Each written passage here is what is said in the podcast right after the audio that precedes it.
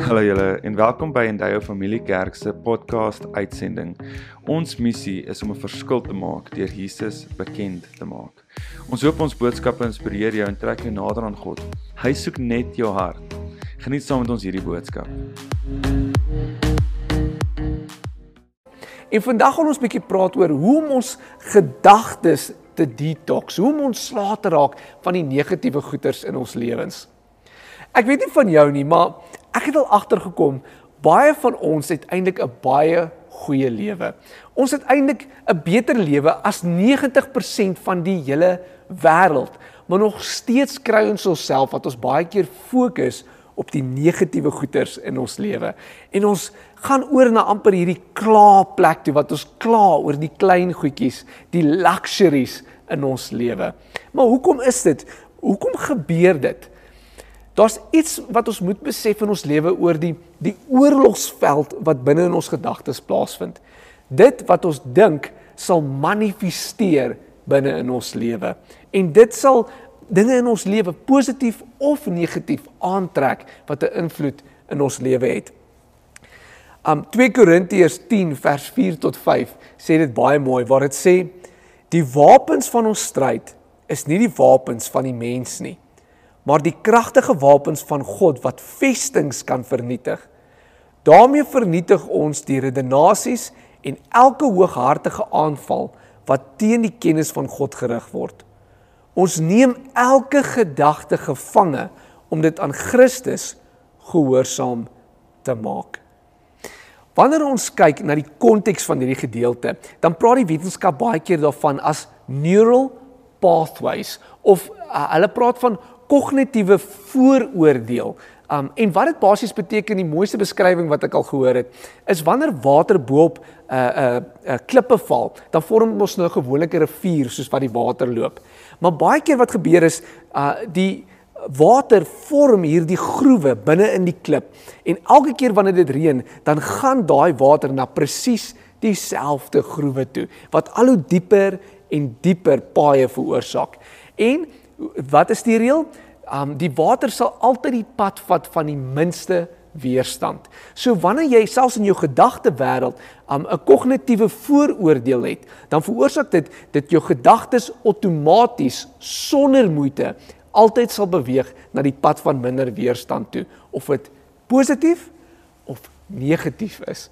'n uh, Ander beskrywing wat ek al van gelees het is, dit is 'n foutiewe metode van redenasie en konklusiewe gebaseer op persoonlike gebeurtenisse en voorkeur. So, dit is die prentjie waarna jy in die lewe kyk en wat sal bepaal of dit beter of slegter is. Dit is die filter voor jou oë waardeur jy kyk. Ons is baie gewoond in die afgelope 5 jaar of so wat ons 'n foto sal neem en as ons nie hou van die beligting of die kleure nie, dan sal ons 'n ander filter bo op ons fone sit voor ons dit gaan post of vir familielede sal stuur om dit beter te laat lyk. Like. En in dieselfde manier het ons sekere filters in ons lewe wanneer dit kom by ons gedagtepatrone. En dis hierdie strongholds waarvan die woord praat en wat God se woord sê ons nodig het om gevange te vat en te bring onder Jesus Christus en wat hy vir ons sê. 'n Goeie voorbeeld daarvan byvoorbeeld is as jy miskien 'n uh, persepsie het van mans. Jy het 'n belewenis in jou lewe van mans wat konstant besig is om abusive te wees, soos die Engels sal sê, of die heeltyd jou verbaal af te breek of jou negatief om um, te beïnvloed in jou lewe. Kan dit wees dat jy 'n filter in jou lewe het wat jy dan sê alle mans is sleg? Maar ons almal weet dis nie die waarheid nie. Uh maar daar's 'n filter in jou lewe wat veroorsaak dat jy elke man wat jy sien, sien jy as 'n bedreiging en negatief. Of dit kan wees dat jy in 'n huis groot geword het waar daar negatief gepraat was altyd van ryk mense. Uh ryk mense is altyd beskou as hulle selfsugtig of hulle leef net vir hulle self en jy het 'n negatiewe filter in jou lewe. Nou bevind jy jouself waar jy besig is om sukses te bereik. Dit gaan finansiëel goed met jou en as gevolg van die filter waarmee jy groot geword het, kyk jy negatief na jou rykdom. Jy voel skuldig oor wat God jou mee geseën het. Jou filter maak 'n groot verskil oor hoe jy na die lewe kyk en hoe jy ook beïnvloed sal word deur jou gedagte wêreld. Dis hoekom baie keer twee mense um, na dieselfde feite sal kyk, na dieselfde prentjie sal kyk in die lewe, maar hulle belewenis van daai prentjie is heeltemal die teenoorgestelde. Dit 'n voorbeeld daarvan kan wees dat jou baas kom byvoorbeeld na jou toe en hy gee vir jou kritiek, opbouende kritiek oor jou werk, oor wat jy besig is om miskien ergens foutief of verkeerd te doen. Die een persoon sal na die feite kyk en sê: "Jesus, maar besef jy nie hoe hard ek vir julle werk nie? Hy's skoon negatief. Hoe kan jy so met hom praat?" Terwyl die ander persoon weer na dieselfde feite kan kyk en sê: "Sjoe, dankie dat jy omgee oor my. Dankie dat jy wil hê dat ek moet suksesvol wees in my werk en so die negatief vir my uitwerk." Die feite het nie verander nie maar die manier wat jy daarna kyk het verander. Jou filter, jou neural pathways, jou kognitiewe vooroordeel waarna jy kyk na die situasie. Uh, uh, ons almal weet van die vaksines op die oomblik uh, wat besig is om te gaan en ek dink op die oomblik is hulle besig om 10000 mense elke dag in Suid-Afrika te inokuleer met die vaksin. Maar is interessant hoe verskillende mense daarna kyk uit 'n filter van positief of negatief. 'n Sekere mense sal daarna kyk en onmiddellik gaan en sê nee, maar is deel van die anti-kris. Hulle gaan nou besig wees om ons te chip. Jy weet, en dis 'n manier hoe hulle besig om uh, ons te bedrieg en ons moenie die vaksines kry nie want nou nou gaan ons almal doodgaan. Terwyl iemand anders weer kyk na die vaksines en sê, "Sjoe, uiteindelik, daar's hoop. Ons kan hierdie vaksines kry en ons kan bly leef en minder mense kan sterf." Die feite van die vaksines verander nie, maar miskien die manier waarna jy daarna kyk verander. Die goed wat jy geleer is toe jy groot geword het, het 'n invloed oor hoe jy daarna kyk. 'n Goeie voorbeeld in die skrif wat ons kry, is in Numeri 14 en 15. En ons almal ken die verhaal waar daar leiers uitgestuur is om die beloofde land te gaan verken. Moses sê Um God kies leiers uit Israel uit en net voor hulle die beloofde land gaan ingaan, stuur hulle hulle uit om hulle om hierdie land te gaan verken vir 40 dae. Die leiers kom terug en dan word vir hulle gesê, "Maar wat het julle gesien? Wat is die filter waarna julle gekyk het na die situasie?" Dieselfde feite. 10 uit die 12 leiers kyk negatief daarna en hulle gevoelens is gebaseer op hulle gedagtes, daai pathways wat hulle nog um, het daai strongholds in hulle lewe van ek vertrou nie die Here nie. En hulle kom terug met 'n negativiteit. Hulle sê die mense is soos reuse, hulle is so klein so sprinkane, daar's nie 'n manier wat hulle gaan wen nie. Maar twee leiers kyk na die situasie en sê maar die Here is met ons. Hulle kyk na dieselfde feite wat op die tafel is en sê nee, God gaan ons die, ons die oorwinning bring. Die manier wat jy na 'n situasie kyk, gaan veroorsaak of jy oorwinning of nie in jou lewe het nie. 'n Ander manier hoe jy 'n uh, nuwe uh pathways in jou lewe kan veroorsaak of create is deur wat ek noem die raam metode. Ons almal weet dat wanneer dit kom by troues, is dit altyd 'n feesaffære. Jy weet ons by troues kom mense bymekaar, hulle trek hulle beste klere aan en daar's 'n daar's 'n opgewondenheid in die lug. En dan is daar altyd die fotograwe. Ek doen baie troues in my lewe en dit is vir my altyd amazing om te sien die groot um, kameras wat uitgehaal word. By party troues is daar drones wat vlieg in die lug en daar word video's geneem. En hoekom doen ons dit? Want ons wil hierdie amazing moment capture. Ons wil dit onthou. Ons wil dit op ons op ons mure sit. Ons wil 'n raam om dit sit sodat ons die positief van die gebeurtenis kan onthou. Maar ek was al by baie troues gewees en ek het nou al 'n paar snaakse dinge gesien. Ek het al gesien hoe die bruidspaar met begin baklei in die middel van die troue en dat mense na hulle kyk en wonder, "Sjoe, ons wonder of hierdie gaan werk." Um maar daai bruidspaar onthou nie dit van hulle troue nie. Hulle onthou miskien net daai daai oomblik op die strand soos hier's nou een van my troufoto's met 'n mooi raam daarop wat in my huis is. Ek kyk na hierdie foto en ek onthou die goeie van die troue. Ek was al by troues gewees waar die bruid voor staan en die oomblik dat sy sê ja vir die bruidegom, pas sy uit. In daai oomblik daar lê sy, sy's heeltemal uitgepaas en al die gaste het hierdie awkwardness van so wat nou. Um maar dis nie wat die bruidspaar gaan onthou nie. Hulle gaan die mooi oomblikke raam van daai um troue. En in dieselfde manier het ons nodig om baie keer die mooi oomblikke te raam van enige gebeurtenis. Ons maak nou al baie keer 'n grappie van daai troue en sê nee man, maar al was die dag warm of wat ook al gebeur het, sy was so oorweldig met liefde dat sy uitgepaas het in daai oomblik. Ons kies om die goeie goed te raam in ons lewens. Jy kan nie altyd beheer wat in die lewe met jou gaan gebeur nie, maar jy kan beheer wat jy gaan raam. Wat se goeie goed jy gaan onthou van daai situasie. In dieselfde manier kies ons baie keer die goeie wat ons sien in ons verhouding met God. Baie mense sal dieselfde situasie sien. Hulle stap in die kerk in en hulle hoor die musiek en hulle sien die mense en hulle stap weer uit en sê niemand wou met my tyd spandeer nie. Die musiek was te hard geweest, die aircons was te koud geweest en hulle raam die verkeerde goed uit die boodskap uit of uit hulle experience binne in um die kerk iemand anders te raam weer die goeie en sê, "Eg, maar daai persone, hulle het soveel liefde in daai gemeenskap. Hulle gee oor my om. Hulle hulle wil my dien. Hulle dien hulle, hulle gee die goeie woord vir my en hulle raam die goeie goed." In dieselfde manier kies ons ook byvoorbeeld hoe ons dink oor ons finansies aan wanneer ons vir God se koninkryk gee. Ons kan eerder kies om te sê, "Sjoe, dis dis nog 'n las, dis nog 'n uitgawe bo op my budget en jy weet nou moet ek dit maar gee want ek meen dis die Here." Of ek kan sê en dit mooi raam in my lewe en sê, "Dis so 'n groot voorreg om vir God se koninkryk te gee. Ek wil dit doen. Ek is opgewonde daaroor. Ek is meer opgewonde om vir God se koninkryk te gee as wat ek is om vir my water en elektrisiteit te betaal of my karpaaiemente. Dis vir my lekker om te gee vir God se koninkryk. En sommer op daai noot wil ek jou vra baie baie dankie vir die tiendes en offerhandes wat jy vir God se koninkryk bring. En as jy wil weet hoe om te gee, jy sal sien die onderkant van die skerm kom ook die bankbesonderhede en ook SnapScan waar jy kan gee vir God se koninkryk. Jy kan selfs na die kerkkantoor toe ook jou tiendes en offerhandes bring en uh, ons sal ook seker maak dat dit inbetaal word in die kerk se bankbesonderhede. Baie baie baie dankie vir dit wat jy gee vir God se koninkryk. Kom ons dank net die Here vir sy voorsiening in ons lewe. Kom ons sluit ons oë. Aba Vader, dankie vir die amazing voorsiening in ons lewe. Here, dit is 'n voorreg om vir U te gee. Here om elke maand iets weg te sit vir u koninkryk want ons weet ons plant dit in goeie grond wat goeie vrugte dra. Amen.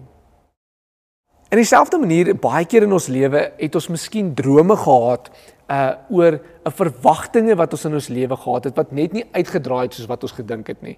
Dit kan wees dat jy hierdie gedroom het oor hierdie wonderlike huwelik wat jy in jou lewe gaan hê.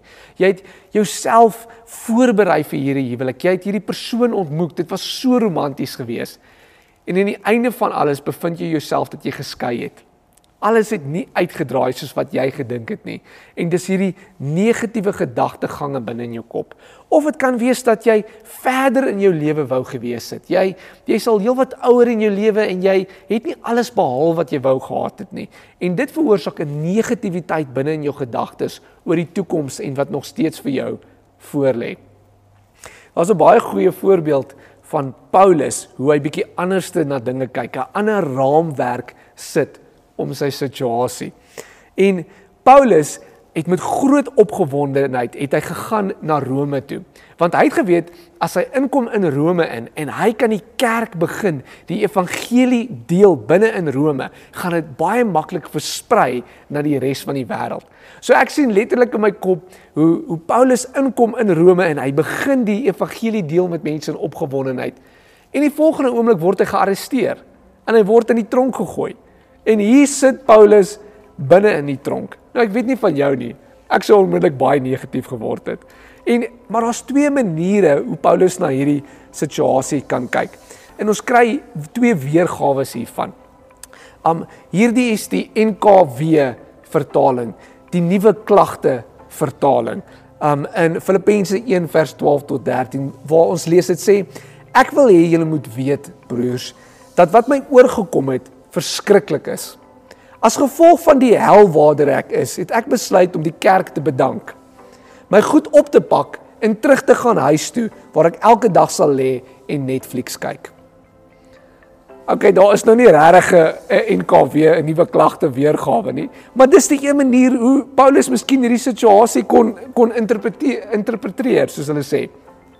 Maar hoor wat sê die Afrikaans 39 vertaling wat Filippense 12 ag 1 vers 2 tot 13 sê wat Paulus eintlik sê. Hy sê ek wil hê julle moet weet broers dat wat my oorgekom het juis die verkondiging van die evangelie bevorder het.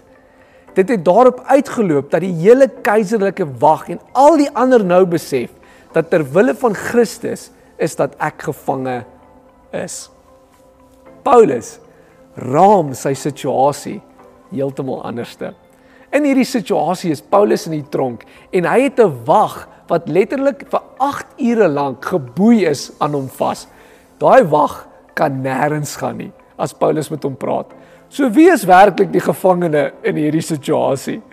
Dink by jouself, Paulus is besig om vir 8 ure te preek vir hierdie soldaat oor wie Jesus is en wat hy gedoen het en die soldaat kan nêrens gaan nie.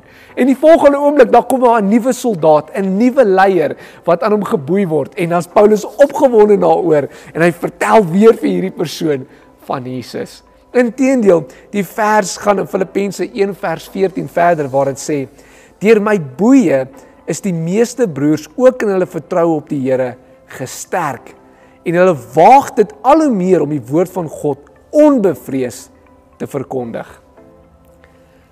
Paulus is in die tronk. Dis nie 'n mooi situasie nie.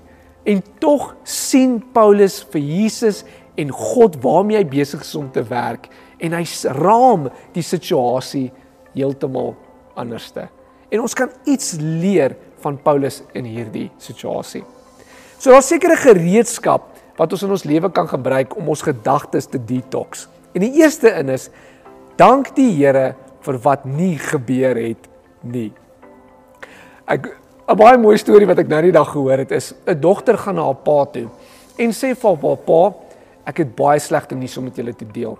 Ek het nodig dat pa en ma moet gaan sit op die bank en ek ek het nodig om hierdie van my hart af te kry en sy begin vertel wat gebeur het. Sy sê pa, weet jy wat, ek was nou die dag het ek ingegaan in 'n klub en ek het net te veel gedrink en ek het hierdie wonderlike ou geontmoet.